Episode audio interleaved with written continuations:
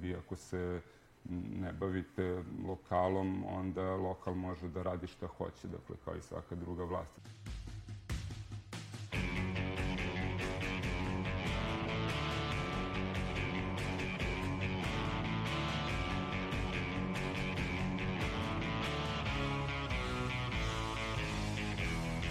Slušate novi podcast Reaguj koji je nastao u okviru projekta Nezavisnog društva novinara Vojvodine i organizacije CRTA pod nazivom Informisani građani i kontrolori lokalne vlasti.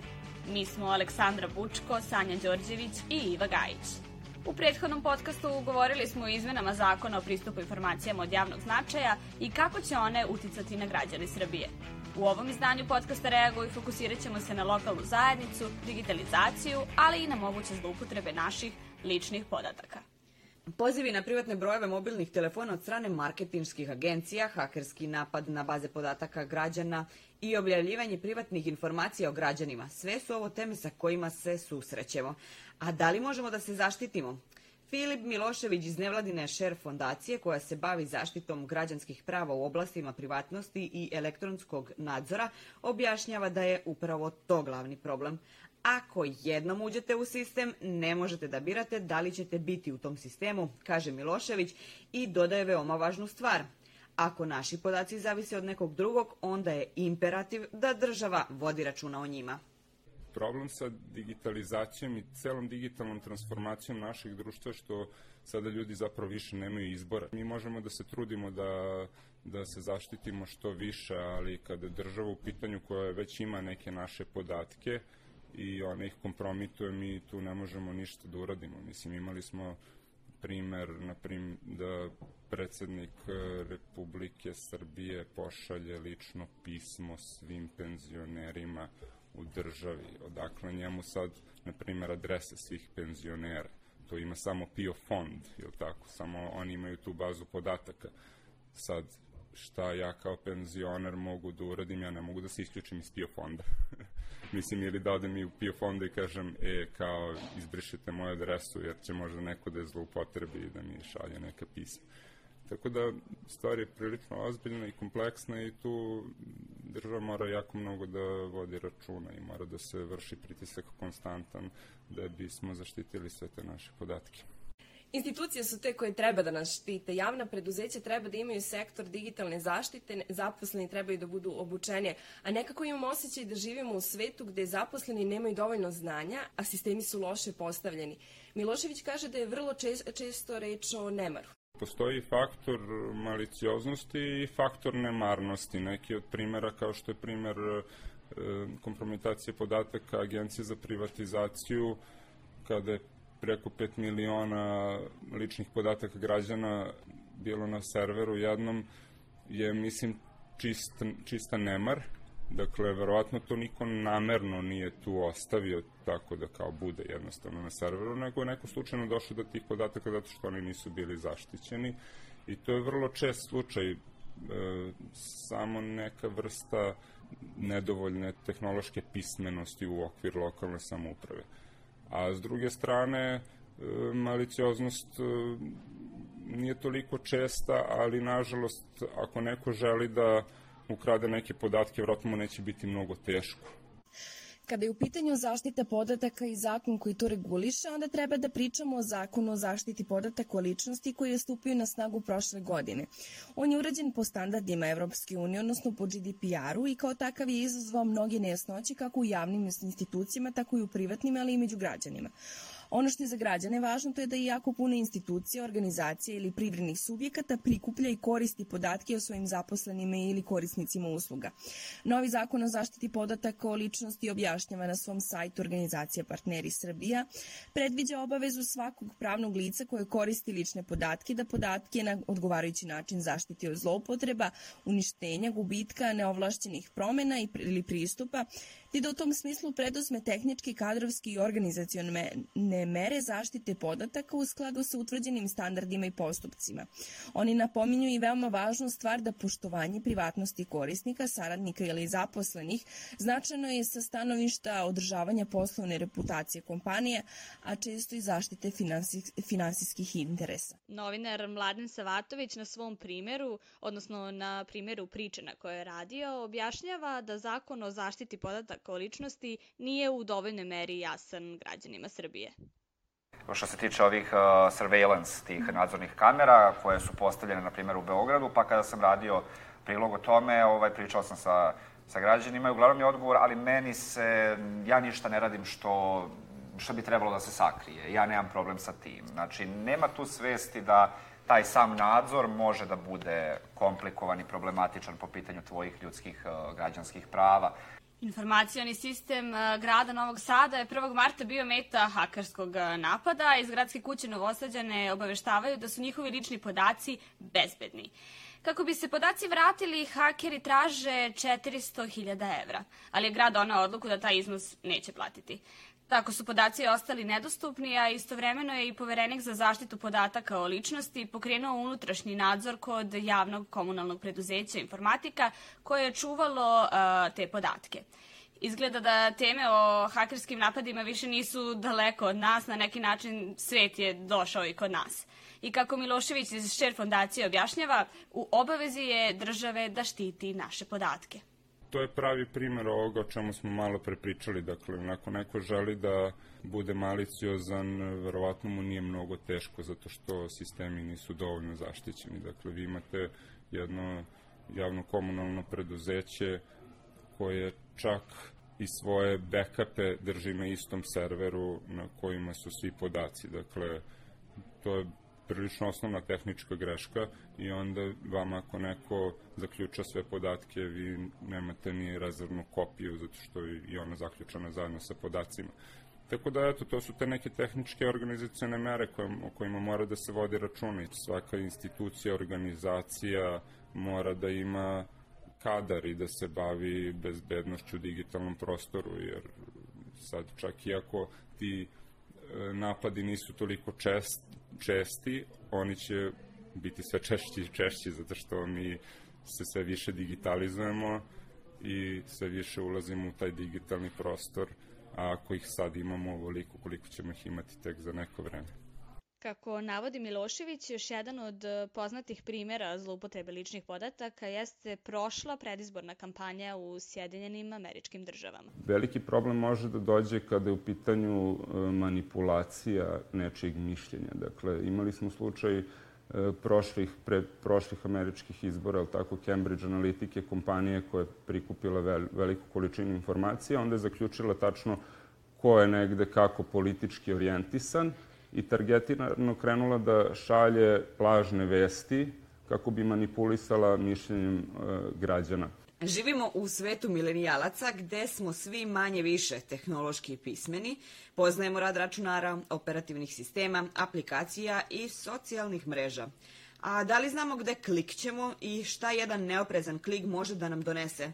To je proces kroz koji svi moramo da prođemo, tvrdi Milošević. Dve stvari koje su jako bitne, to je pre svega tehnološka pismenost, to je da mladi umeju da koriste e, računare, softvere, mobilne telefone i tako dalje i postoji druga stvar koja je, se zove medijska pismenost, a to je to razumevanje zapravo online sfere, kako informacije dolaze do nas, šta su izvori tih informacija, kako se snalazite u celom tom prostoru, na šta smemo da kliknemo, na šta ne smemo da kliknemo i to je sad jedan proces koji celo stanovništvo mora da prođe negde, zato što se mi nalazimo trenutno u toj vrsti tranzicije i ako ne vodimo računa, bit ćemo jako ranjivi. Ono što smo videli na primjeru u Novom Sadu u vezi sa hakerskim napadom, osim ranjivosti sistema, jeste i nedovoljna transparentnost lokalne vlasti. Mi ni danas nemamo jasnu sliku o tome koji je obim tog napada, šta je sve blokirano i kako će to Novi Sad prevazići, a čini mi se da su građani olako prešli preko ove teme ne tražeći odgovore. mladi vrlo često, bar u medijima, predstavljeni, su predstavljeni kao pasivni, kao da, im, da ih ništa ne interesuje. Htela sam da vidim kako je koliko je ovo tačno, odnosno koliko im znači transparentnost e, lokalnih zajednica. Otišla sam do Novosadskog kampusa da, da ih pitam šta misle o, ovom, o ovoj temi i koliko ih e, zapravo dotiče i evo šta su rekli. Da li vam je stalo da imate transparentnu lokalnu zajednicu? Naravno. Transparentna lokalna zajednica bi značila ne samo meni, nego svima, prvenstveno zato što bi se znalo ko šta radi i sve bi bilo jasno i ne bi bilo radnji iza zaključenih vrata i mislim da bi to generalno pomoglo svima. Pa jeste, da, ali evo konkretno ja živim u opštini i e, ne radim ništa značajno povodom toga, evo iskreno. E, velika količina novca se, zapravo priča se da se velika količina novca ulaže u to, ali mi to ne vidimo. U principu da, na nekom ličnom svakodnevnom nivou nije toliko da me da peče moju savest. Mi ne, niti znamo ništa o tome, niti nas nešto posebno interesuje. Mislim, mi smo ono svesni, vrat, kao mladi, da je ođe u državi neka moderna diktatura da mi tu ne možemo ništa da uradimo. Pa možda kontrola vlasti može nešto Pa kontrola vlasti već postoji sam i ograničena, već kontrola vlasti je već utvrđena ustavom, ali u ovoj državi se ne poštuje ni sam ustav, tako da ni kontrola vlasti ne postoji. A možda građani možda mogu da probaju da kontrolišu? Pa postoje te dvije, tri građanske inicijative, ja sad nisam baš upućen, ali kako kad isti ljudi koji su bili na vlasti prije 10 godina vode te iste građanske inicijative. I ako se nešto uradi, uradit će se njima u korist, a ne korist građana, tako da... Ali da li su mladi zapravo aktivni na lokalu? Savatović kaže da je u većim sredinama aktivizam i volontiranje mladih više zastupljeno. Takođe navodi da aktivizam nekada i ne odgovara vlastima. Iz mog iskustva e, zavisi od sredine, na primjer u Novom Sadu i Beogradu, gde su razvijen, razvijeni ti uh, centri nevladinog sektora, aktivizam i tako dalje. Tu su, tu se mladi informišu za probleme, na primjer, zagađenja vazduha, zaštitu životne sredine, zaštitu uh, životinja. Znači, imaju, imaju interesovanje, i, uh, ali ga uglavnom kanališu, dakle, kroz te neke organizacije. Ali uh, imamo grupu mladih aktivista, na primjer, u Beočinu, koji se, zovu, uh, koji se zovu Ljubitelji životinja Beočin. To je neformalna organizacija, znači nisu čak ni nevladina organizacija, to su jednostavno entuzijasti koji žele da pomognu tim životinjama, koji su u nazovimo to tako, ratu sa lokalnom samoupravom zbog toga što lokalna samouprava na njih gleda kao na problem. Znači, oni ne vide u problem, problem u tome što je životinja napuštena, što životinja e, će umreti na ulici, što će nekoga možda ujesti zbog toga što jednostavno dešava se. Oni vide problem u tim uh, ljudima koji su aktivisti, entuzijasti, koji žele nešto da promene. I onda nema komunikacije. Kada su protesti aktuelni, nekako uvek dođemo do pitanja da li uopšte vredi protestovati. Milošević na to ima spreman odgovor. Kada se desila Sava Mala, na primer, pa su ljudi izlazili na proteste, da niko nikad nije izašao na proteste, sutra bi strušili nešto drugo, je li tako? Bez obzira što mi sad nismo kao sprečili da se izgradi neki Beograd na vodi. Ovaj, jako je bilo bitno pokazati otpor i to je negde srž demokratije, da, mislim, da ljudi participiraju, tako, da ne samo odu na izbore, glasaju i onda prepuste sve ljudima koji su izabrani, zato što ako prepustite nekome sve normalno i posle ga ne kontrolišete, normalno da će taj u jednom trenutku krene da radi verovatno šta hoće. Koliko su javne institucije otvorene za građane i transparentne u svom radu i koliko su im pristupačne. E, novinar Mladen Savatović kaže kako svaki novinar mora da bude i pravnik i građevinski inženjer i sve drugo u zavisnosti od e, teme koju obrađuje.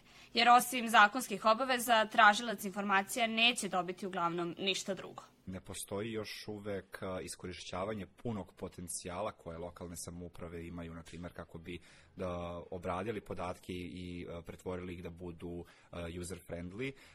Oni se uglavnom često hvale da građanima dostavljaju veliki broj informacija, ali te informacije su i dalje na onom bazičnom nivou i predigitalizacije. To su dakle neki PDF dokumenti koje ti dalje moraš da iščitavaš i da pronalaziš ono što tebe konkretno interesuje, ne postoji opcija da pronađeš na njihovim, na primjer, portalima koliko i koliko, koliko je novca potrošeno na, na neku stvar, koliko će biti potrošeno, jednostavno te baze podataka nisu oblikovane tako da se sa njima može lako postupati.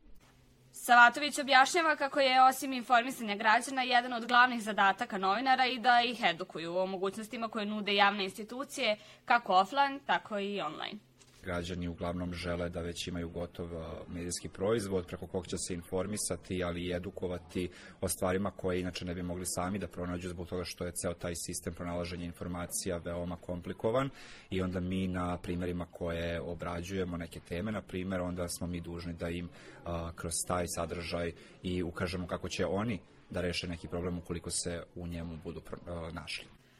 Organizacija za borbu protiv korupcije Transparentnost Srbija je tokom prošle godine sprovela istraživanje koliko su lokalne samouprave otvorene i dostupne građanima. Neke od kriterijuma bile su dostupnost javnih nabavki, budžet, informatori o radu, javne rasprave i tome slično.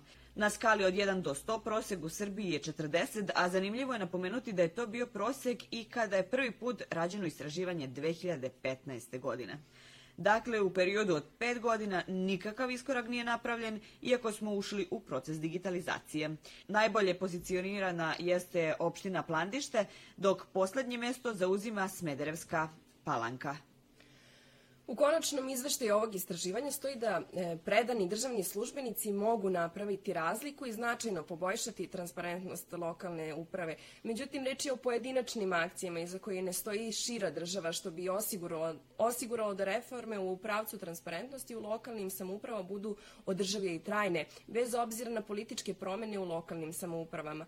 Ovo istraživanje takođe pokazuje da je jednom postignuti nivo transparentnosti ni u kom slučaju nije garancija održive dobre prakse. Bolja transparentnost pokazala se u oblastima koje su jasno propisane zakonom i gde je jasno definisana kazna. Kao primer mogu se navesti dokumenti javnih nabavki koji se i najviše objavljuju. Međutim, stavljanjem nešto u zakon ne znači nužno da će informacije biti javno dostupne, što se može videti kroz primer javnih preduzeća koji jako imaju zakonsku obavezu da postave informacije na svoj sajt, oni čak ni nemaju sajt. Preporuka transparentnosti Srbije jeste da je neophodno da jedinice lokalne samuprave otvore posebne stranice za aktivnost skupštine i za budžet. Informacije o konkursima bi trebale da budu objavljene zajedno sa rezultatima rezultatima tih konkursa. Elektronski registar bi trebao da bude uveden u sve opštine, u uslužnim centrima bi trebali da se obezbede računari sa koji bi građani mogli da pristupe tim registrima. Ova organizacija predlaže i da bi jedinice lokalne samouprave trebale da jasno obaveste građane o mehanizmima za prijavu nepravilnosti i sumnje na korupciju. A podaci o nepokretnosti opštine bi trebali da budu javno dostupni kao i kontakt podaci odbornika. U trećem podcastu Reaguj nezavisnog društva novinara Vojvodine i organizacije CRTA govorili smo o značaju lokalne zajednice, digitalnoj pismenosti i privatnosti ličnih podataka. Do sledećeg slušanja pratite nas na društvenim mrežama, na Facebooku, Instagramu i Twitteru. A ako želite da nas podržite, možete to uraditi na stranici donations.nadnv.org.